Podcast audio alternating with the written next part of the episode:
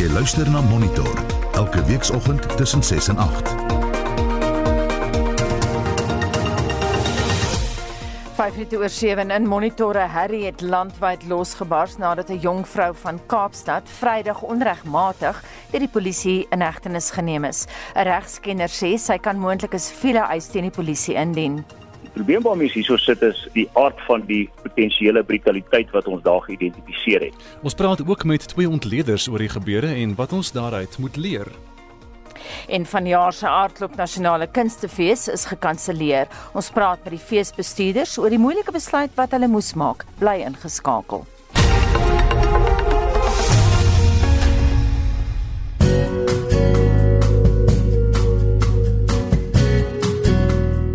Die weer vir vandag is uitgereik deur die Suid-Afrikaanse Weerdienste. Ons begin met al die waarskuwings.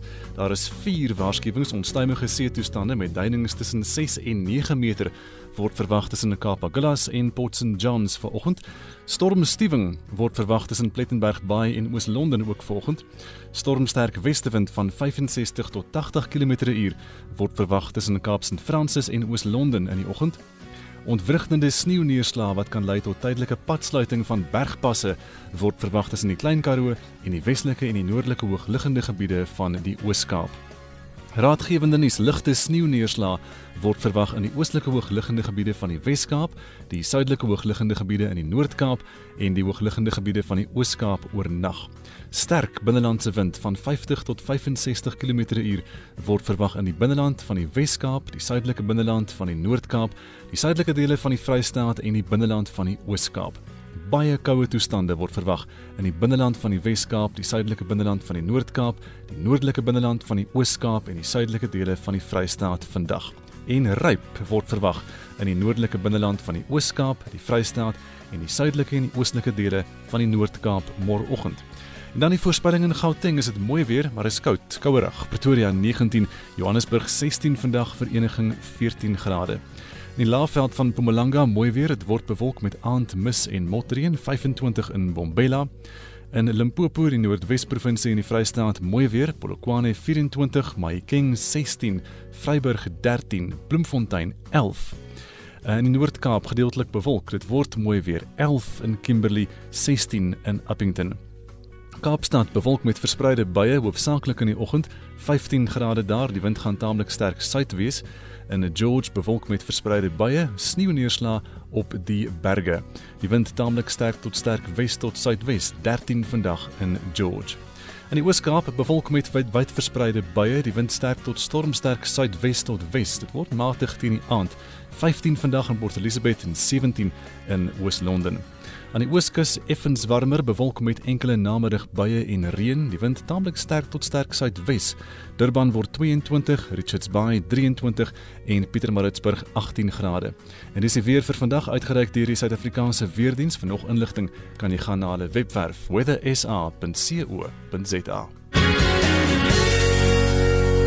En nou die finansiële aanwysers hier op moneyweb.co.za. Die JSE se indeks van alle aandele sluit gister met 0,15% in die rooi op 50074 punte. Die indekse wat gedaal het is die finansiële indeks 1,86% laer, die goudmyn indeks 3,39% laer en die nywerheidsindeks 0,28% laer. Die inligpunt was die Hulbron indeks so 0,66% hoër. Kommoditeitspryse vanoggend aan die styg. Goud se prys is 1733 dollar en 22 sent per fyn ons. Platinum staan op 904 dollar en 35 sent vir 'n fyn ons en Brent 3 olie ook steeds aan die styg uh, van Noordsee Brent kos vanoggend 36 dollar en 20 sent.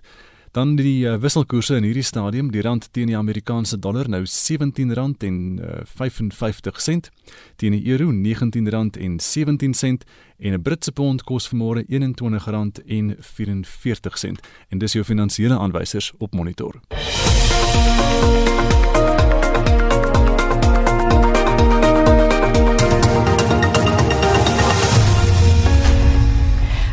Het landwyd losgebars nadat 'n jong vrou wat aan die strand aandraf was Vrydagoggend voor 8 onregmatig deur die polisie gearresteer is.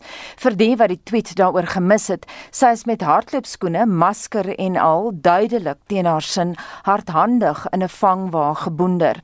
Later by die polisiestasie is geen klag teen haar gelê nie en die jong vrou is vrygelaat.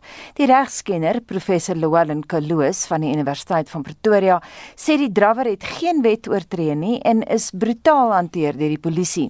Hy glo sy is in 'n baie sterk posisie om 'n siviele eis teen die SAPD in te dien. Kaloos het gister sy regsmening met Monitor gedeel. Ek moet vir jou sê ek is baie bekommerd oor die trant van die video wat ons gesien het. Gelukkig of ongelukkig deesdae word baie van hierdie onregmatige optredes van die polisie dan nou opgeneem deur lede van die publiek op hulle selfone in die verbygaan. En hierdie is net nog so 'n klassieke geval. Die probleem waarmee ons hierso sit is die aard van die potensiële brutaliteit wat ons daar geïdentifiseer het. Nou ek verstaan van die kom ons noem nou maar die die raadgewer van die SAPS dat luitenant-generaal Matakat dat hy die opmerking gemaak het dat 'n senior beampte uit sy geleedere aangestel is om 'n verslag saam te stel en 'n fisiese ondersoek te hou na die voorval wat plaasgevind het. En ek dink 'n groot deel van hulle weergawe sal voortspruit uit daardie opmerkings of gevolgtrekkings wat ons dan uit daardie verslag het gaan kry. Maar ek sal nie verbaas wees dat hier een van twee dinge gaan gebeur nie en waarskynlik albei dinge gaan gebeur nie, naamlik dat 'n klagte by die polisie by die onafhanklike direktoraat ingaande gaan word naamlik een van aanranding teen hierdie optrede van die polisiebeamptes want dit is wat hulle gedoen het is niks anderste as aanranding. Is daar nie een of ander sinistere verweer verskuil is wat ons nie van weet op hierdie stadium nie. Dis die eerste ding. Die tweede ding is dood eenvoudig is dit net nog 'n klassieke geval van 'n siviele saak wat teen die polisie aanhange gemaak gaan word vir die arrestasie wat onregmatig plaasgevind het. En elkeen van hierdie optredes het net dood eenvoudig die uiteindelike gevolg dat daar net al hoe meer aksies teen die Suid-Afrikaanse Polisie Diens en die minister van Polisie ingestel word wat uiteindelik ramifikasies het in die belastingbetaler wat moet opdok vir hierdie gemors. Dis totaal onaanvaarbaar. Enige vorm van brutaliteit kan nie geduld word nie. Ons is in 'n demokrasie. Daar is optredes wat geregverdig is, maar dit wat ons daar gesien het, grens vir my aan polisiebrutaliteit en dit is doeteenvoudig nie aanvaarbaar nie. Die doeteenvoudige waarheid is dat ons alreeds sit met oorvol hofrolle Die gevolg is nou sit ons met hierdie, kom ons noem dit beselagtighede wat nou toegevoeg word by ons reeds oorvol hofrolle. En dit kan tog nie die land se administrasie en die regtelike proses enige guns doen deur dit te bewerkstellig nie. Aan die einde van die dag is dit mense in mannekrag wat vermors word op onbenullighede Daardie tyd en energie moes verseker ingesit word vir die ondersoek van baie ernstige misdade en oortredings en hierdie is net totaal onaanvaarbaar. Die probleem is egter dat vir hierdie jong vrou is dit nie 'n onbenullige ding nie, is waarskynlik vir haar redelik traumaties geweest. Ja, verseker en ek meen daardie trauma wat sy beleef het, kan dalk kulmineer miskien in so 'n kundige situasie waar sy so kundige moet gaan sien om die trauma te hanteer. En uiteindelik het dit 'n implikasie rondom die kwantum. Dis die bedrag wat 'n hof sal goedkeur vir skadevergoeding vir dit waardeur sy moes gegaan het en haarself deurgesit het. Ons albei weet aan die einde van die dag dit beteken doeteenvoudig dat die belastingbetaler alweer moet pa staan vir daardie optredes van die polisie. Ek sou wou sien dat die polisie miskien in so 'n geval daardie persone wat betrokke was dat hulle uit hulle eie sakke uit daardie verspilde regskoste en miskien gevolgskade moet betaal. En so sê die regskenner professor Llewellyn Kaloos van die Universiteit van Pretoria wat gister met Monitor gepraat het. Dis 14 minute oor 7 en ons bly by die storie. Die DA se skademinister van polisie Andrew Whitfield het gister aan Monitor gesê dat hulle beslis die saak gaan verder voer in die parlement. Boonop sê Whitfield dat 230 000 Suid-Afrikaners al oor die Grendeltydperk in hegtenis geneem is weens kwansyse vergrype. The DA is shocked by the conduct of the police officer involved in the arrest of a young lady in Strunt in Cape Town. The DA, however, unfortunately is not surprised. We have repeatedly called on the minister to instruct the police to exercise discretion and caution throughout this lockdown. Unfortunately, the lockdown regulations have criminalized ordinary law abiding South Africans uh, to the tune of 230,000 people who have been arrested and received fines and been charged and now potentially have criminal records. This young woman who was harassed, abused, and manhandled must take the police to court. And I believe that thousands of South Africans are going to lodge civil suits against the police, and I'm convinced that they will succeed. We have seen hundreds of cases of police abuse reported to the DA through our WhatsApp and email line, which we launched in the first week of lockdown. The DA has also referred the minister to the Ethics Committee in Parliament because Minister Pele himself has created an environment in which SAPS officers feel that they can abuse the law while they are supposed to be enforcing the law. So it is completely unacceptable. And the DA is monitoring the case of the woman in Strand very, very closely and will be following up with IPID in this respect as well. And Anita, I think it's important to add that the DA's Ethics Committee complaint is going to be bolstered by the judgment in the Collins Causa case, where Judge Fabricius actually cited Minister Taylor's reckless and irresponsible comments about destroying infrastructure of liquor traders as potential incitement for police abuse and certainly violence. During this time, Minister Taylor has repeatedly acted irresponsibly. The DA believes that the president should remove a Minister Taylor, and if he's not prepared to do so, the DA will be taking this matter through Parliament, and Parliament needs to act in the interests of South African citizens and remove Minister Taylor so we can demilitarize our police and remove the rotten apples and restore proper law and order to our streets. En dit dan die DA se skademinister van polisie Andrew Whitfield en Anita het gister met hom gepraat. Ons het kommentaar by die Wes-Kaapse polisiewoordvoerder Brigadier Novella Patelwa en gister het gister aan monitor gesê dat dit op regsadvies voortydig sou wees vir die polisie om nou in hierdie stadium kommentaar te lewer. En vir alle kommentaar op die hardhandige manier waarop twee polisiebeamptes se jong vrou wat aan die strand aan Dravas behandel het, praat ons nou met die politieke wetenskaplikus professor Dirk Kotse van Unisa. Goeiemôre Dirk. Goeiemôre Anita. En professor Amanda Gous van die Universiteit Stellenbosch. Goeiemôre Amanda. Goeiemôre Anita en goeiemôre Dirk. Amanda, jou eerste kommentaar. Ek dink um, ek het na die die YouTube video gekyk en dit is werklik skokkend hoe hoe hoe sy in die vangwa geboende word. Ek dink die een ding wat nie genoem is nie is dat dit stel mense ook bloot aan die risiko van van COVID uh om die virus te te kry. Want hoe weet ons wanneer laas is die vangwa ontsmet, wanneer laas het die polisie hulle hande skoon gemaak en so aan. So daar is nog nog 'n bykomende risiko. Maar as ons net 'n stapie terug gaan en gaan kyk na hoe lyk die klagtes teen die polisie voor ehm uh, die staat van inperking. Nou in 'n in 'n daar's 'n studie gedoen in 'n kwessie van 7 jaar tussen 2012 en 2019 was daar 6000 klagtes teen die polisie gelê vir onregmatige optrede en daar was 3000 uh, mense wat onregmatig doodgeskiet is. Nou hierdie studie verwys ook na Marikana, die Marikana voorval waar daar 34 mense doodgeskiet is. Dat die polisie het nooit 'n interne ondersoek gedoen na wat daar gebeur het nie. Met ander woorde, hierdie tipe van gedrag word toegelaat.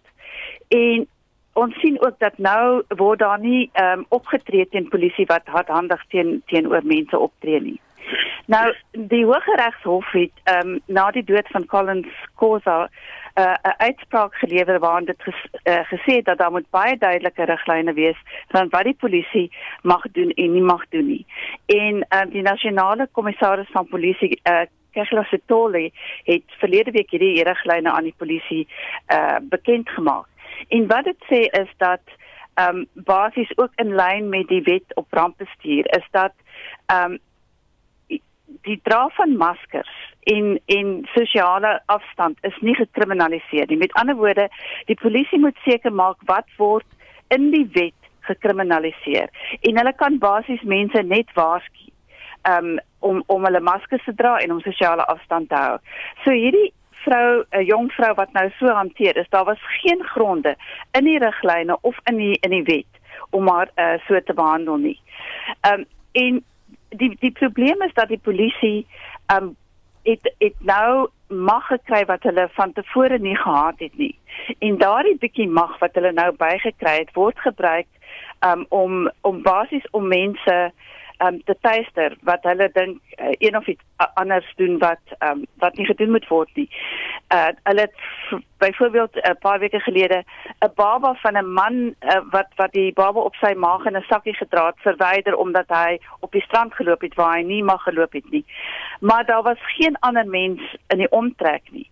So dit is uh, ook die die gebruik van reëls um om basies uh 'n mag af te dwing wat glad nie as ons sê weet die woord common sense gebruik. Mm. Wat glad nie voldoen aan common sense nie. Mm Ehm um, Dirk as ons na jou toe kan gaan, uh, die DA se skadu minister van polisie Andrew Whitfield het nou gesê in die vorige onderhoud dat hierdie saak nie uniek is nie en dat 230 000 Suid-Afrikaners alreeds tydens hierdie grendeltydperk in hegtenis geneem is.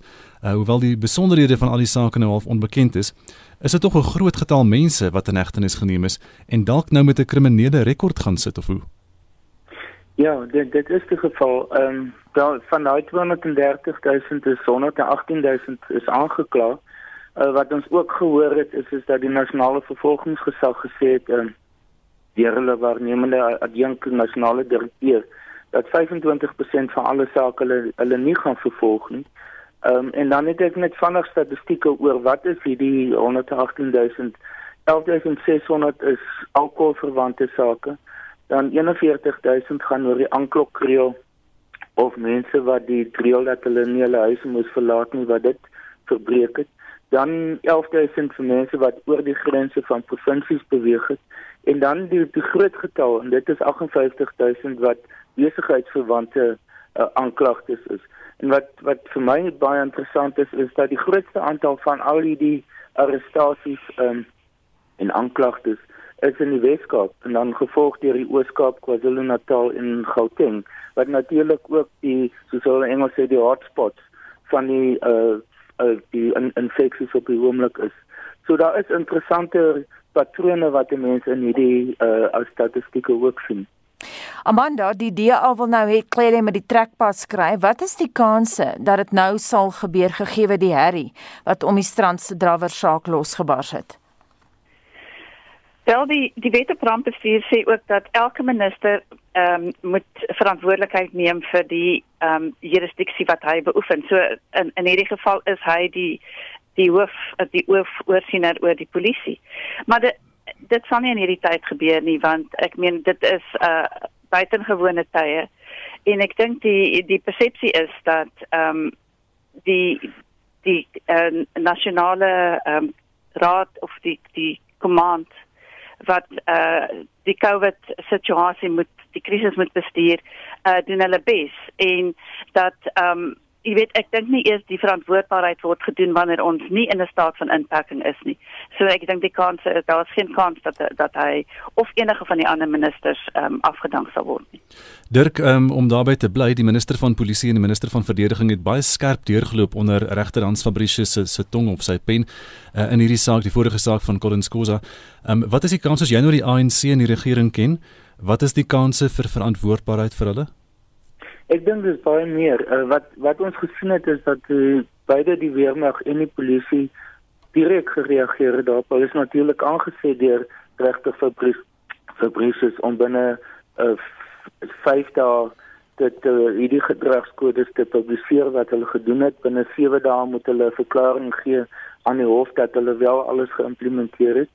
Ehm um, so dit het plaasgevind. Ehm um, ek dink wat wat nou moet Uh, en deel van die die uh, riglyne en instruksies is is dat die verskillende bevelvoerders um, van die polisie sowel as die weermag moet nou by parades met hulle die gewone lede baie beter inlig oor hierdie uh, wat hierdie gedragskodes en en reëls wat hulle moet toepas. Ek dink dis een van die groot probleme is is dat die polisie in die algemeen is nie goed genoeg opgelei vir hierdie tipe van situasies nie. Die weermag is glad nie opgelei vir hierdie tipe van situasies nie. Um omdat dit nie deel van die aard van hul werk is nie. Hmm. So ek dink dis dis een van die aspekte wat ek dink wat wat belangrik is en dat 'n ander aspek wat in die geval van die polisie dink ek ook belangrik is is dat hulle prestasie word beoordeel in terme van hoeveel arrestasies hulle doen. So die die kultuur in die weer in die in die polisie is verkeerd. Um In steede daarvan om diens te lewer om wet en orde te handhaaf, is dit baie daarop ingestel om te wys dat hulle aktief is, dat hulle besig is om te patrolleer, dat hulle besig is om wet toe te pas. En ek dink die kultuur wat daardie geskep is, is is dat dit is 'n is 'n kultuur van van afdwinging en en en, en op, op op grond daarvan sien ons hierdie insidente waar mense wat waarskynlik polisielede wat waarskynlik glad nie goed ingelig is oor wat die implikasies is, wat dit werklik beteken nie, dat hulle reg in hulle eie hande geneem het. Ons praat veraloggend met professore Dirk Coetzee van Unisa en Amanda Gous van die Universiteit Stellenbosch. Ek wil vinnig terug na daai syfers van jou Dirk. Jy het nou gesê van die 230 000 Suid-Afrikaners wat tydens die Grendeltydperk in hegtenis geneem is, is ehm um, 118 000 aangekla en 35% van al daai sake gaan nie eers vervolg word nie. Met ander woorde, daar is geen meriete daarvoor nie. Nou sê professor Kaloos gister vir my en ons het lank na die onderhoud nog verder ges gesels. Hy sê hierdie jong vrou het baie beslis 'n siviele saak teen die polisie te maak, maar hy reken daar gaan vele sake teen die SAPD gemaak word en hy's nie alleen nie. Die DA uh, het dieselfde gesê, die SAPD kan baie siviele sake teen hulle verwag. Ja, dit dit dis ek dink mens kan dit uh, voorspel dat dit die geval is. Ons weet altyd sake in in hoër howe spesifiek is baie duur. So of hierdie mense dit gaan kan bekostig, dis dis uiteindelik die groot vraag. Ehm um, en dan uh so die en omdat dit nie 'n kriminele saak is nie, is dit nie dan iets wat ehm um, wat tot op die rekord van daardie persoon gaan wees nie. Mm. Die die die eintlike groot of eintlik wat ons sou moet verwag is dat die nasionale vervolgingsgesag dit as kriminele sake moet oorweeg sodat dit uh, amptelik namens die staat gedoen word. Ehm um, as dit 'n siviele saak is, is daar gewoonlik net kompensasie en uh, wat ter sprake is en ehm um, dit sal die minister van polisie wees, dit sal nie noodwendig die die individu wees wat ter sprake is nie. Ehm um, so uiteindelik weet mense nie presies wat gaan gebeur nie. Wat wat ons ek dink almal sal wil sien is is dat die individu uiteindelik aangespreek moet word in die vorm van dissiplinêre optrede of selfs om ontslaan te word van hulle posisies. Amanda nou 'n aanduiding van die video wat nou soos 'n spreekwoordelike veldbrand op Twitter versprei het. Uh, die vrou het wel 'n masker gedra, sy het drafskoene aangetree, sy is nie skellend of vloekend na die vangwa toe gesleep nie, dit was nog voor 9 in die oggend gewees, uh, sover ons kan aflei. En die kommentaar op sosiale media en die talle platforms was ook goedgesind uh, teenoor haar. Sou sou die jong vrou 'n soort simbool kan word van weerstand teen die staat se vergrype. Gaan so iets gebeur of nie? Ehm um, ja, dit kan en en ek ek dink dat die die kwessie van 'n so siviele saak is dat mense sou ook 'n wat is in Engels noem 'n class action suit kan maak. Wat beteken die mense wat almal aan dieselfde optrede van die polisie blootgestel is kan saam 'n saak maak en ek vermoed um, in hierdie hierdie geval is dit nog al 'n saak wat ek dink uh, as as as 'n class action kan werk.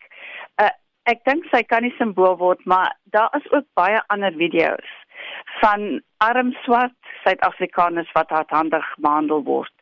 So ek dink, jy weet daar is ehm um, ons fokus nou op haar, maar daar is ook baie ander sake waarop ons kan fokus waar byvoorbeeld mense in uh, gesê aangesê word om in die modder te rol hmm. omdat hulle nie 'n masker op het nie of so iets. So en en as ons gaan kyk na hierdie riglyne, dan sê dit baie duidelik mag mag, mag slegs in die in baie beperkte gevalle gebruik word. En ek meen daar was geen rede vir die polisie in hierdie geval om om mag te gebruik nie. Dirk, die DA het nou gesê hulle gaan die saak na die parlement se etiese komitee verwys. Wat voorspel jy gaan daar gebeur? Die die, die etiese komitee is net vir parlementslede. So dis nie vir ministers nie. Die uh, uitvoerende gedragskode is vir die ministers bedoel um, en die uitvoerende gedragskode moet deur die president uh, toegepas word.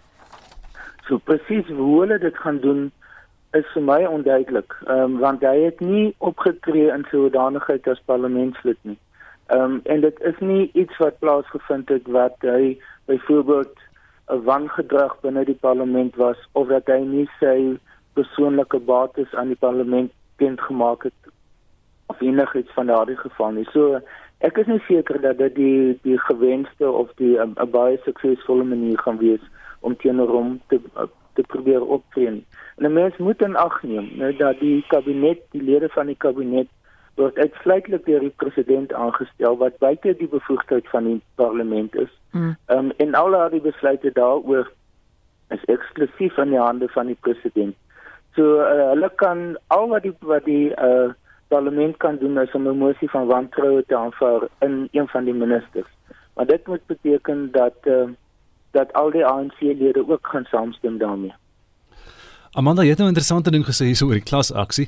Ehm uh, wie die inperking kan nou nogal taamlik duur raak vir die regering, nie net in terme van al die ander geld in die ekonomie wat nou sukkel nie en die geld wat hulle moet uitbetaal aan in maatskaplike toelaas nie, maar as daar so klomp se vele eise kom vir die manier hoe hulle die middelklas dan nou behandel om dit so te stel.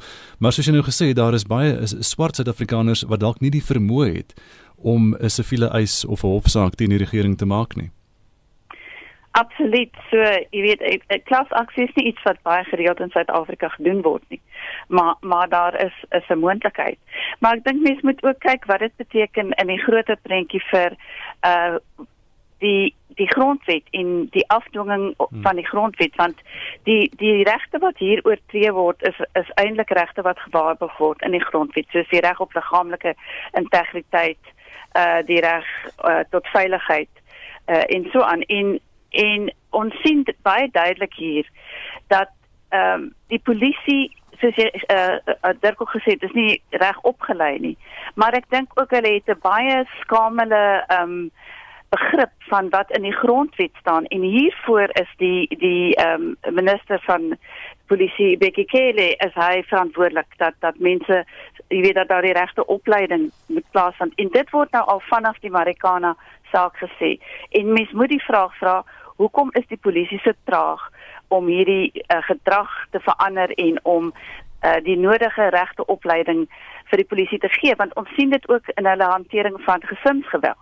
Dit dit is baie hardhandig en en werklik nie volgens die opleiding wat hulle behoort te hê.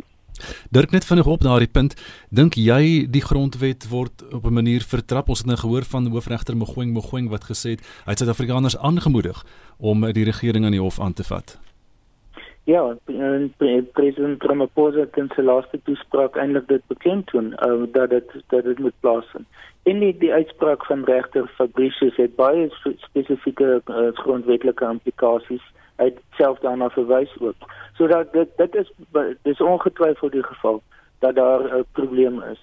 Ek dink aan die ander kant die die die keer die keerpunt of die keersy van dit is dat daar is baie mense wat onverantwoordelik optree. Ek meen dit moet ons ook toegee nee, by ek kyk byvoorbeeld hier by rondom my hmm. is daar nog steeds mense wat sonder maskers in die buite rondloop. Ehm um, al is dit nou nie iets wat vervolgbaar is nie, is dit bloot onverantwoordelik en ek dink daar moet een of ander tipe van optrede wees wat mense ook in daardie opsig kan aanspreek. Amanda, ek het nou gister kommentaar probeer kry by die Wes-Kaapse Polisie woordvoerder Brigadier Novella Potelwa en uh, uiteindelik het ek haar 1 uur die middag weer gebel en toe sy net gesê dat die polisie op regsadvies, hulle eie regsadvies, uh besluit het om nie kommentaar te lewer en dit sou voortydig wees. Hulle het wel vir een van die koerante oor die naweek gesê dat die saak opgevolg word en dit word op die oomblik uh ontleed en daar word met al die rolspelers gepraat oor wat gaan gebeur, wat se stappe geneem sal word. Maar vir ons was dit net interessant dat die brigadier gesê het Hulle het regsadvies ingewin oor hoe om die saak met die media te hanteer. Wat sê dit vir ons? Wel, wat wat dit eintlik sê is 'n um, erkenning van die feit dat daar uh die die riglyne oortree is en dat die uh polisie op 'n 'n wan manier opgetree het. Ehm um, maar dit is dit is ook vir my eintlik verbasend dat sy sê hulle moet 'n regs uh, kennis inwin om hoe hoe hoe oor die saak te te praat. Dit is nie 'n saak wat voor die hof is sodat jy kan sê dis sub judice nie. So ehm um, duidelik weet hulle nie eintlik wat om te sê nie uh, en hoe om hierdie saak te hanteer nie want hulle kry soveel klagtes oor hierdie tipe gedrag. So ek dink die die beste manier is om te sê oh, ons kan nie nou daaroor praat nie. Amanda, dit kan ons net vinnig vir julle vra um, na aanleiding van die feit dat julle ook akademisie is oor die hele herrie rondom professor Glenda Gray van die Mediese Navorsingsraad en oor wat sy gesê het of nie gesê het nie. Nou sy self deur haar eie organisasie half gemailband. Wat is julle reaksie daarop Amanda? Ja, ek weet ek dink dit ehm um, die optrede van die ehm um, nasionale mediese raad is vir my skokkend dat hulle ehm um, basies gesê dat of om verskoning gevra het vir vir haar optrede. Nou sy is 'n wetenskaplike en sy uh, het 'n eredoktorsgraad van die Universiteit van Stellenbosch gekry en ek was uh, betrokke by by daardie proses. So sy is 'n uitstekende wetenskaplike. My my eie gevoel hier is dat ehm um, ons ons kan dit ons kan die die optrede uh, teen haar glad nie goedkeur nie en ehm um, asof die ehm um, Suid-Afrikaanse uh, Akademie vir Wetenskap het uh, in 'n baie sterk woordebrief gister gesê dat uh, hulle absoluut uh gekant is teen die manier uh hoe hier nou opgetree word en dat dit nie aanvaarbaar is nie. My eie mening is as iemand wat gereeld met die regering werk en wat al op uh, kommissies vir die regering gedien het, is dat dit is oor hoe jy goed sê. Nee, as jy die uh die regering laat sleg lyk en laat lyk asof hulle nie weet wat hulle doen nie, is daar onmiddellik 'n 'n baie verdedigende reaksie. En ek dink um jy weet wat hy gesê het is is absoluut aanvaarbaar en daar is baie van ons wat gereeld sê hoekom het die regering ehm um, vakkundiges uh, op komitees as hulle nie na hulle luister nie. Maar jy jy kan dit nie eintlik so sê nie. Jy moet dit sê op 'n manier wat dat lyk dat jy 'n um, uh, suggestie maak en dat die regering die suggestie moet opneem en so aan. So so nou ehm um, jy weet die regering eier op sy gesig en daar's 'n verdedigende reaksie en ons uh, daar 'n hele lang brief van uh, minister eh uh, McKeesie minister van gesondheid gekom om uit te wys dat wat sy gesê het nie feitelik reg is nie. Uh, maar die punt is sy is uh, het het vryheid van spraak en sy het die reg om haar mening te gee as 'n wetenskaplike. En vir my is dit baie kommerwekkend um, dat dat sy op hierdie manier hanteer word. Nie soseer deur die regering nie, maar deur die mediese navorsingsraad wat ek dink absoluut 'n baie slegte voorbeeld stel van lojaliteit teenoor die regering eerder as om te sê alle werkgewers sy het in haar eie kapasiteit gepraat, het die vryheid van spraak. Dirk, en hoe voel jy daaroor? Ja, ek stem nog groot dis saam met uh, Amanda. Ek by aan die een kant is die uh, akademiese vryheids aspekte te sprake wat sy op ehm um, natuurlik die vryheid het om haar, haar werk as akademikus te kan doen en daaroor te kan praat en daaroor te kan rapporteer. Maar ek dink die, die waar die die komplikasie werklik ontstaan het is die ehm um, wel eerstens die reaksie van die direkteur-generaal en van van die departement van gesondheid en nou tweedens die die mediese uh, raad ehm um, wat wat uitsprake gemaak het wat lyk asof hulle wel nie lyk nie as asof hulle haar probeer beperk en aanspreek daaroor. Maar dan ek dink waar daar wat meer gekompliseer is is waaroor Amanda nou laaste gepraat het wat ek self ook ervaring van het is is dat jy as as akademikus is betrokke by prosesse en jy probeer 'n standpunt stel of of of dokumente beskikbaar stel. Um, en dan verwag jy daar volgens besluite geneem kan word. En wat akademici nie verstaan nie is as gewoonlik is word 'n adviserende oordanigheid gebruik maar is nie betrokke by besluitneming nie. So jy's baie dikwels as jy baie teleeggestel dat jy sien dat niks gebruik is van dit wat jy gesê het nie. En ek dink dis wat nou uitgekom het. En wat interessant is is dat in die hele bestuur van die e-, epidemie of pandemie ehm um, was die mediese oor, oorwegings aanvanklik laat maart en vroeg april was dit die dominante fokus geweest. Maar dit het met tyd begin verander. Ek meen die laaste besluit nou hierdie week het omtrent geen mediese aspekte ingesluit nie. En baie meer ekonomiese en ander faktore. Um, en ek dink dit is wat hierdie uh, mediese uh, ministeriële advieskomitee nie 100% ingesien het nie dat hulle rol in 'n sekere sin afgehandel is en dat hulle nou nie meer gekonsulteer ge, ge word nie omdat die dinamika van die besluitnemingsproses begin verander het. Baie dankie die politieke wetenskaplikes professor Dirk Kotse van die NISA en professor Amanda Gous van die Universiteit Stellenbosch.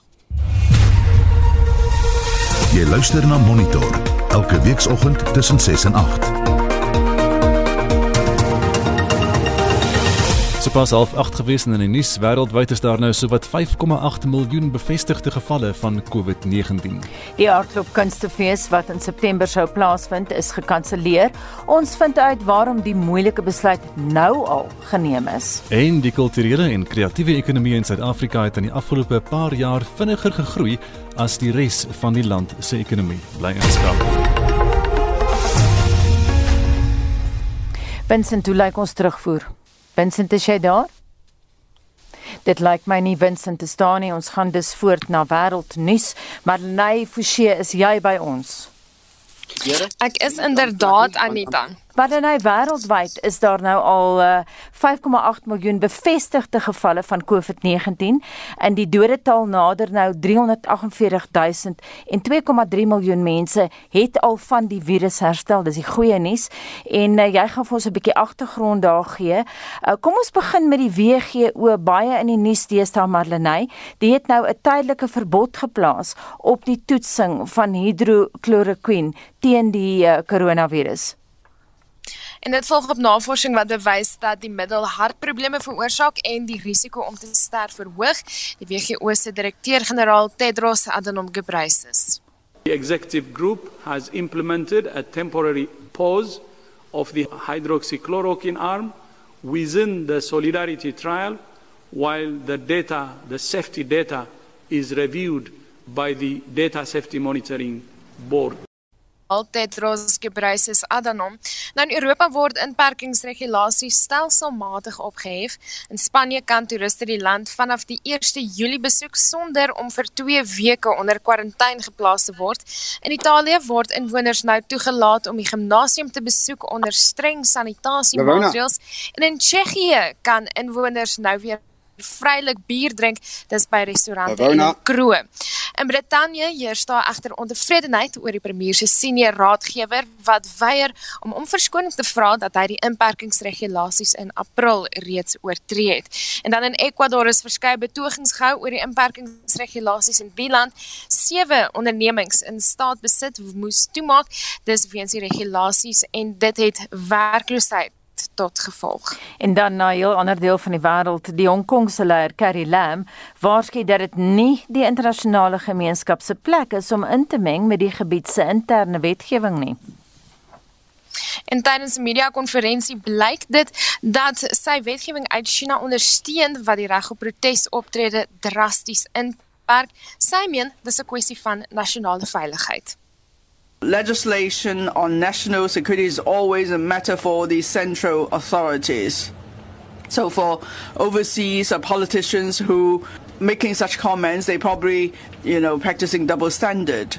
Now, I think there is no one country that would allow an important matter like national security to uh, be flawed in any way or to have a void in any way. Volgens kritisie beperk dit die gebed se unieke vryhede. Nou hulle verwys spesifiek na die regte wat saamgevat is in die streek se mini-grondwet toe Engeland dit in 1997 aan China teruggegee het. Dit waarborg sekere vryhede, soos die reg op protesoptrede wat in China verbied word. Nou vroeër in Monitor het ons in 'n onderhoud met Liesel Louwel dra verwys na die kommer oor die toename in geweld deur ISIS terreurgroepe in Cabo Delgado in Mosambiek. Ja, en sy het vir ons gesê die groep is nou al minstens 2 jaar lank 'n bron van kommer in die land. Geweld het egter sedert Maart drasties begin toeneem. Meer as 1000 mense volgens die amptelike syfers sedert Maart vanjaar het die aanvalle toegeneem. Daar is myne op 'n daaglikse basis berigte van dorpies wat aangeval is. Daar is nog steeds baie wrede onthoofding van mense. Hoewel vroeër die jaar het dit gelyk asof die groepe die uh, Al-Sunna terreurgroepe van strategie verander en dat hulle soort van probeer gewone mense aan hulle kant kry teen die regering. En dit is waarskynlik steeds die strategie wanneer dit kom by van die hoofsentrums in Cabo Delgado in die noordelike provinsie En dit was die projekleier vir Suider-Afrika by die Instituut van Sekuriteitsstudies in Pretoria, Liesel Lou Wadren. Die Suider-Afrikaanse Ontwikkelingsgemeenskap het intussen tydens samesprekings oor die kwessie gesê, hulle sal die land ondersteun in sy stryd teen die groep en selfs lede van die weermag hiervoor beskikbaar stel. En dit was Marlenae met wêreldnuus gebeure. Dis nou kwart voor 8 jy luister na Monitor op RSG en net soos die KAKNK wat vir jaar die eerste keer sedert sy ontstaan gekanselleer is weens COVID-19 moet Aardklop 2020 ook vereers op sy staan. Die fees sou vir jaar plaasvind van 22 tot 27 September. En ons gesels nou met die aktrise en Aardklop feesbestuurder Alexa Strag en Alexa goeiemôre. Goeiemôre. Joh, nie baie goed hier aan die kant nie, maar môre in ja. elk geval. was dit 'n moeilike besluit geweest om die fees nou te kanselleer? Uiteraard, jy weet die impak hiervan is geweldig groot. Dit is kunstenaars, dit is tegnisi, dit is stalletjiehouers, dit is diensverskaffers en natuurlik ons loyale en getroue feesgangers. So dit is letterlik daar duisende mense hmm. ehm um, wat deur hierdie besluit beïnvloed word. Wat was julle oorwegende faktore geweest? Niemand weet nou regtig op watter vlak van inperking ons in September gaan wees hmm. nie. Mm, dis inderdaad die probleem, jy weet in ons is in Potchefstroom. Ehm um, tot tot en met vlak 1 van die grendeltyd mag mense nie massa byeenkomste mm. hê nie. En ons is 'n massa byeenkoms. Jy weet die feesterrein word deur duisende mense besoek. Ons kan nie sonder die feesterrein nie, selfs die sale, weet die skoolsale en die universiteit, die NWI se venues. 'n mens weet nie waarheen wat jy mag gaan doen nie en die ander ding is ook ons is bekommerd oor oor mense se besteedbare inkomste. Mense se salarisse krimp en en se inkomste skrimp. Uh op die ou end gaan ouens dalk kies om te eet en hulle karpaaiemente te betaal eerder as om konserte hou. Hartseer soos wat dit mag wees. Mm -hmm. Het julle die uh, langtermyn volhoubaarheid van aardklop en ag geneem toe hulle nou die besluit mm -hmm. geneem het? Mm, inderdaad, inderdaad. Dit is vir ons jy het ons dink Um, hoewel dit nou swaar is, dink ek ons moet nou maar die houe vat en alles wat ons vermoë doen om finansiëel te probeer volhoubaar wees sodat wanneer daar 'n nuwe normaal is, hoe daai nuwe normaal ook al gaan lyk, sodat ons dan daar is en 'n platform kan bied vir mense om feeste hou en feeste vier. Jy het nou gepraat oor die die impak op kunstenaars, uh, tegnisi, stalletjiehouers vroeër. Dis maar net 'n paar van die mense wat nou betrokke is by so 'n groot fees. Die impak hmm. is enorm op al hierdie mense. Hoe hoe kan 'n mens dit versag? Dis eintlik ongelukkig op 'n manier onmoontlik wat ons wel probeer doen. Um is om kleiner projekte te ondersoek wat nie noodwendig in die normale tydsgleef en in die plek normale plek kalender en en potjiestroom noodwendig aangebied sal word nie, maar kleiner afsonderlike projekte wat onafhanklik van die normale aardklop aangebied suksesvol aangebied kan word om sodoende inkomste te probeer genereer vir van hierdie mense. Jy het dit dalk gedink aan 'n aanlyn aardklop nie en probeer om van die produksies op die internet uit te saai nie en of, ons, kan 'n mens geld maak so? Ons ondersoek letterlik elke liewe opsie tans om eerlik met jou te wees. En hmm. op die ou en die goed wat ons gaan besluit gaan waarskynlik 'n kombinasie wees van 'n klomp goed, jy weet. Ehm um, en daar aanlyn projekte is verseker op die tafel. uh, uh, Ou net versigtig wees want dit is nie so maklik om dit in in te, te in monetêr, jy weet in in, hmm. in geld maak. Ons kan nie bekostig om nou geld te verloor nie. Uh ons moet probeer om wat ook al ons doen, moet ons kan gelykbreek, jy weet, sodat daar iets vir die kunstenaar en iets vir almal betrokke by in dit is finansiëel. Het julle 'n noodplan daar ingeval die inperkings nou opgehef word en julle kan dalk wel uh, 'n fees hou? Kyk, ons is gelukkig verskriklik aanpasbaar. ons het in, ons het in 2016 net ons moes 'n fees binne 4 maande hmm. ehm um, om mekaar gesit van van niks af nie. So ons span is nogal gewoond daaraan om geweldig vinnig um, 'n bal aan 'n rol te kry. So die oomblik as daar enige vorm van geleentheid om voordoen, sal ons wel met hom hardloop. Jy is nou aan stuur van die nuwe aardklop om dit so te stel soos jy sê van van 2016 se kant af. Hoe gaan dit met die fees oor die algemeen? Verstom gewees die afgelope jaar, jy weet, ons mense het na ons verwys as die Lazarus fees, jy weet, die een wat uit uit die doodheid opgestaan het. En aanvanklik was daar maar pessimisme en het mense gesê, man, daar was 'n rede hoekom die vorige aardloop gestop het. Julle is julle gaan nie oorleef nie. Julle is nie volhoubaar nie. Julle gaan julle gaan finansiëel ondergaan. En ons het hulle inderdaad verkeerd bewys die afgelope 5 jaar. So ons glo dat ons dieselfde sal kan doen. So as 'n aardklop uh, die Lazarus uit dood kon opstaan, kan hy uit die COVID-19 uit opstaan. inderdaad, ek dink ons gaan nou net bietjie hiberneer op 'n manier en dan en, en dan staan ons weer op en ons word wakker en ons gaan aan. Alexa baie dankie, dit was die feesbestuurder van Aardklop Alexa Straghan.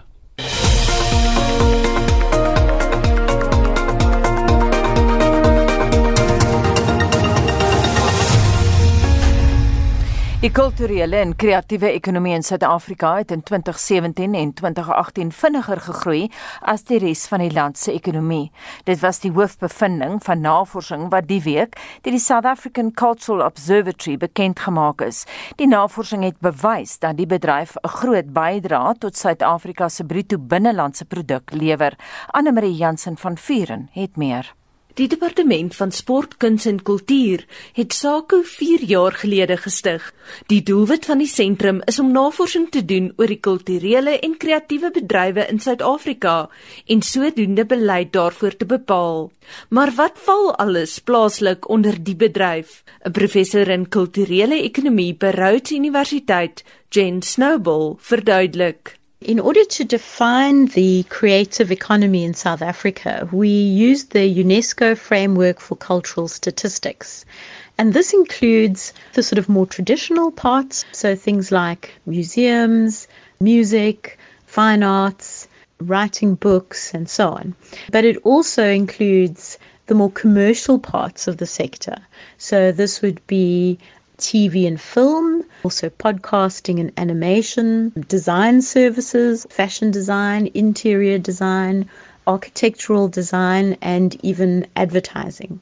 It also includes transversal domains, so the ones that run across all of these sectors, like cultural education, as well as supporting equipment and services. Rhodes Universiteit het saam met Nelson Mandela Universiteit asook die universiteite van KwaZulu-Natal en Fort Hare gewerk aan SAKU se verslag. Snowball, die navorsingsleier, sê hulle het meer as 2 jaar se inligting versamel. We did our research for the latest national data that was available, which was 2017 and 2018. The methods that we used were to focus on audited national data rather than interviews or surveys. So, for working out the GDP contribution, the data that was used was the Household Income and Expenditure Survey, supply and use tables, and census data, all provided by Statistics South Africa. For the section of the report that talked about employment, we used the quarterly labour force survey, also conducted by Statistics South Africa. And that gives us a very detailed view of a long time period when people are working in all parts of the creative economy. And then for international trade, we used an international data set called TradeMap to track the flows of cultural goods imports and exports. Die grootste bevinding van hul navorsing is dat die kreatiewe en kulturele bedryf 'n direkte bydrae van 1,7% tot die bruto binnelandse produk lewer. Dit behels 'n inkomste van meer as 74 miljard rand. Now 1.7% might not sound like a big direct contribution to South Africa's GDP, but If you compare this to the next biggest sector, which is agriculture, that contributes 2.4% to GDP. So it's quite considerable if you think how much attention and energy agriculture gets, whereas the cultural economy is not even analyzed officially as a sector. Cultural employment, measured using the cultural trident, makes up 7% of all the jobs in South Africa, which is over a million jobs. And we also have to keep in mind that the cultural economy has strong backward and forward linkages to other parts of the economy. It buys inputs from the rest of the sectors, and people who are employed in the creative economy also spend their money in other sectors of the economy. Snowball sê dit is goeie nuus vir die plaaslike ekonomie.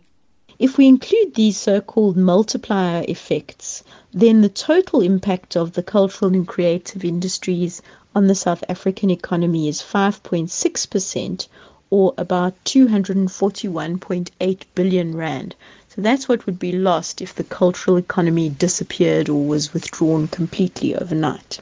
Suid-Afrika is ook volgens haar 'n groot uitvoerder van sogenaamde kreatiewe produkte.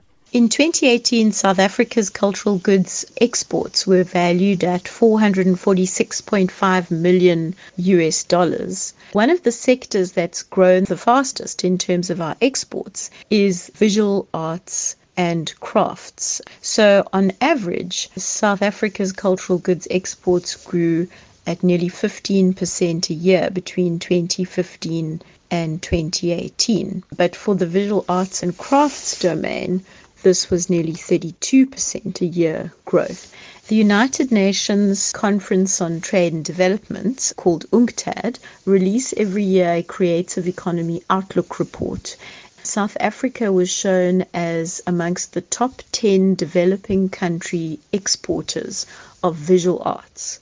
What that shows us is that there's a demand for South African visual arts and crafts, and that this is growing quite quickly. So that's a great opportunity.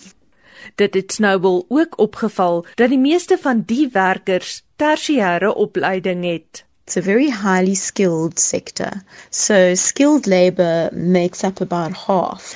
People in cultural and creative kind of jobs also have a much higher level of tertiary education. So, that's post school education compared to people in non cultural jobs. So, what this means is that growth and continuation of the sector is going to depend very much on having a well educated and skilled labor force going forward.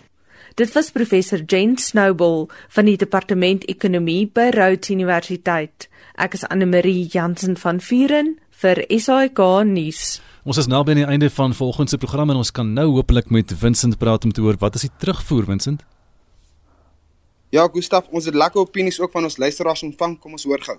My naam is Christiane Groenewald en ek is 'n raadslid in die stad Kaapstad. Sondag het ons gaan kos gee vir Denoon en Site 5 Doringberg hier in Kaapstad en ons is vergesel deur vier polisielede, een vrou en drie mans. En ek kan nie vir jou vertel hoe aangename ondervinding dit was nie. Hulle het vir ons gesorg dat ons veilig is. Ek is gewoond om daar te kom so dit dit nie vir my uh, um onveilig gevoel nie, maar hulle het dubbel seker gemaak. So vir my polisie is wonderlik. Dan Willem jou maat sê al wat ek soek is maak oop die kerk se deure, nie die drankplek nie, want aan God se woord is daar lewe en ek mis dit al. Bly elke dag op my knie, dis genoeg, maar die Here werk elke dag en nag sê William. Dan sê Beulah Martin Wasserval was verlede Vrydag deur die polisie afgetrek op die N1 en het vir 'n permit gevra wat ek nie gehad het nie en ek het vir hom gesê ek's op pad winkel toe. Baie ordentlike jong man, hy my laat gaan sonder enige probleme. Dan sê Ann Killian hierso sy is skillful en ander vols en nog meer. Uh, sy sê ons ons is nie idioote nie. Ons weet ons moet onsself beskerm. As jy dit nie kan doen nie, rus die on rus die onus op jou. Polisie smokkel net so lekker met sigarette en drank. Dis belaglik wat hier aangaan. Dan sê Johan Botha vir ons, sommige mense is maar lekker ongeskik met die geregsdienaars. Hulle gevoelens kry ook injuries en dan antwoord hulle in rampokkertaal. Ek glo nie hulle staan in die oggend op en oefen in die spieël hoe om simpel en mislik te wees nie. Nou enkele mag dalk 'n ingebore robies hê wat soos 'n strykrower optree as hy voel daar word nou aan hul sagte plekkies geknyp. Dit is maar my vermoede, laat weet Johan Botha en dit is van die gesprekke wat ons vandag gehad het van um, Gustaf. Baie dankie Vincent, kom ons gaan na Madeleine toe, lyk like Spectrum se dagboek. Suid-Afrikaners mag in vlak 3 van inperkings kos by restaurante oplaai, maar restaurante vra nou dat hulle toegelaat mag word om alkohol op die manier te verkoop. Die skoonheidsindustrie se kommer oor die heropening van salonne neem toe en aanlyn aansoeke vir voornemende graad 1 en 8 leerdlinge in Gauteng open volgende maand. En so groet ons namens ons waarnemende uitvoerende regisseur Hendrik Martin, volgens redakteur is Justin Kennerly, produksieregisseur Lewona Bekes, ek is Gustaf Greiling. En my naam is Anita Visser.